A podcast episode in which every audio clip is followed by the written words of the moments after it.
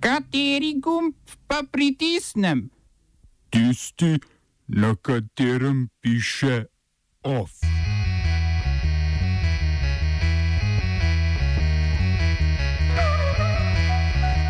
Novi ukrajinski predsednik Zelenski po prisegi razpustil parlament. V Švici na referendumu podprli strožji nadzor nad orožjem. Google kitajskemu podjetju Huawei omejil po uporabo operacijskega sistema Android. Literarni incest ob 50-letnici, teden italijanskega filma in deliberativna demokracija v Westerosu.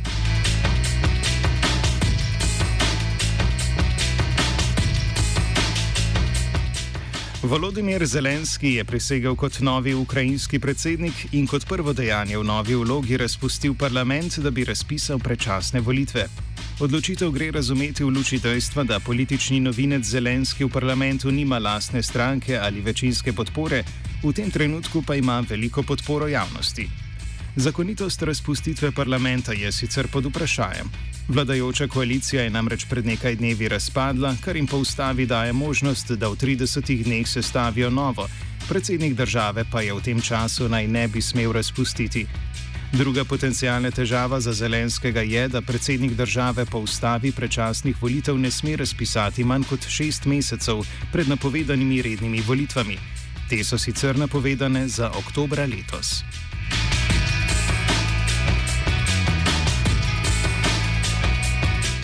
V prisegi je sicer Zelenski kot največjo prioriteto v prihajajočem petletnem mandatu navedel prekinitev spopadov na vzhodu Ukrajine, poslance pa pozval naj do predčasnih volitev sprejmejo zakon, ki bi jim oduzel imuniteto pred kazanskim pregonom.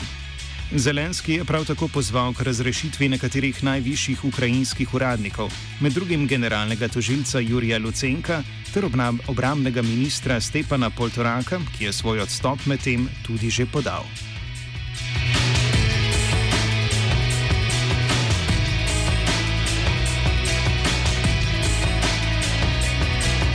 Ameriški gigant Google je sporočil, da prekinja sodelovanje s kitajskim podjetjem Huawei, po katerem bo na Huawei-evih pametnih telefonih onemogočeno posodabljanje operacijskega sistema Android.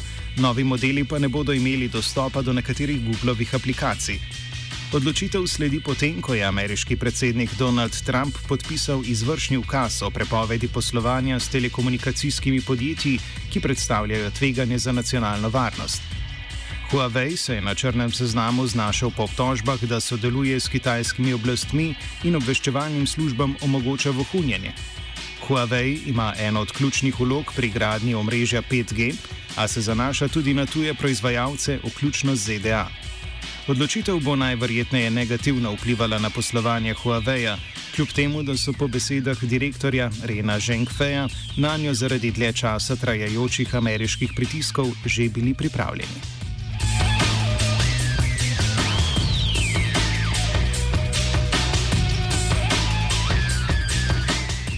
Na avstralskih parlamentarnih volitvah je v nasprotju z javnomnenjskimi anketami slavila vladna koalicija pod vodstvom liberalne stranke, imenu na vkljub sicer konservativne politične opcije.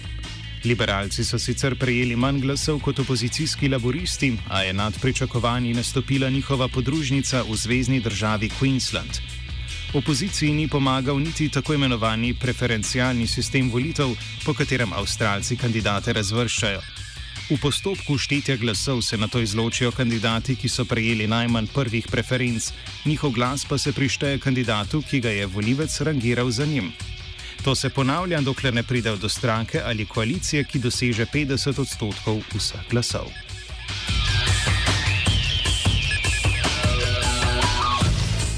Vladna koalicija se je tako zagotovila 77 od 150 sedežev v predstavniškem domu, laboristi pa 68.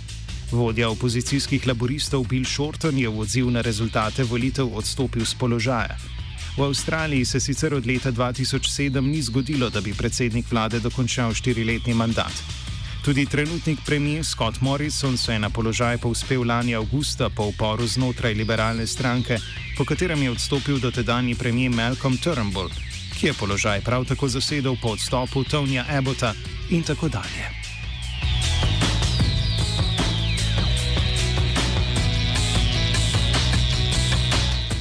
Svoj demokratični sistem so na preizkus postavili tudi v Švici, kjer državljani v političnem odločanju večkrat letno sodelujejo z glasovanjem na referendumih.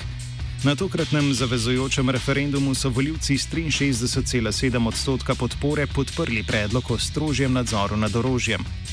Ta bo v skladu s premembami, ki jih je Evropska unija sprejela pred dvema letoma in zaostruje zakonodajo na področju nakupa polavtomatskih pušk. S tem pa se Švica izogiba sporu z Brusljem in grožnji o morebitnem izstopu iz šengenskega območja.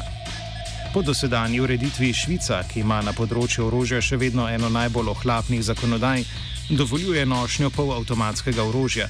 V Švici pa naj bi vsak četrti državljan imel v lasti kos orožja. Orožje je prav tako pomemben del švicarske tradicije in dediščine, zaradi česar so se zganili podporniki pravic do orožja. Švicarske oblasti so tudi zato izpogajale določene izjeme za veterane in člane strelskih klubov pri uvedbi zakonodaje. Na referendumu so sicer švicarski voljivci odločali še o predlogu reforme o financiranju pokojnin in ga prav tako z dvotretinsko večino podprli.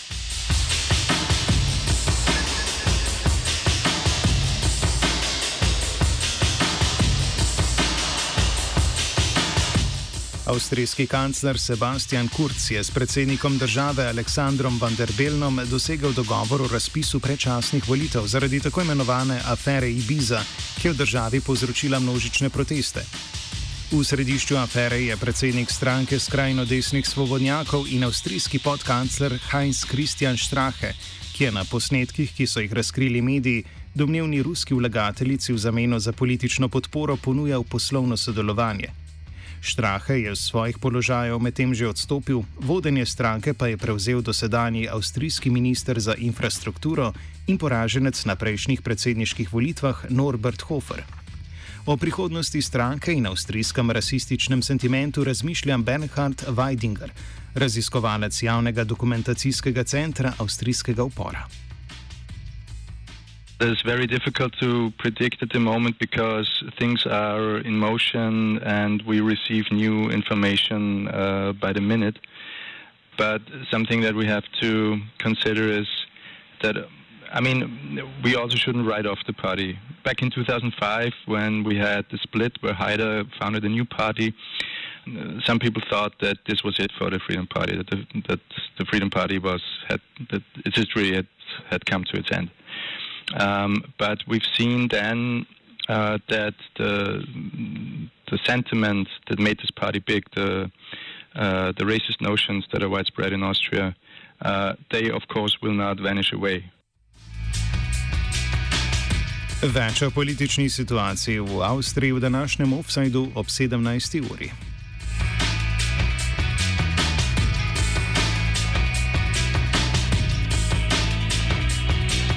Švedska toživka Eva Marie Persson, ki vodi preiskavo proti Julianu Assangeu v zvezi z njegovim domnevnim posilstvom, je vložila zahtevo za njegovo prijetje. Ustanovitelj Wikileaksa se, potem ko mu je ekvadorsko veleposlaništvo odreklo gostoljubje, trenutno nahaja v zaporu v Veliki Britaniji. Preiskavo o posilstvu pa so na švedskem ponovno odprli prejšnji teden. Poleg Švedske Assangevo izročitev sicer zahtevajo tudi Združene države Amerike zaradi razkritja tajnih dokumentov.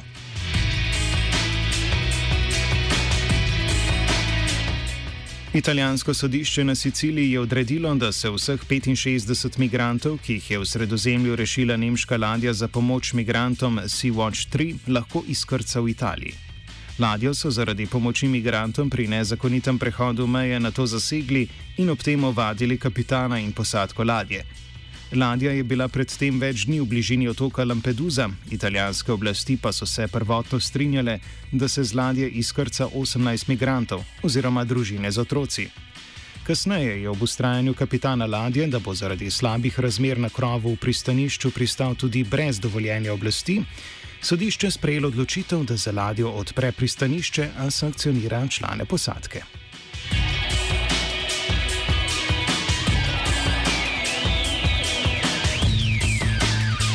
OF je pripravil Jure.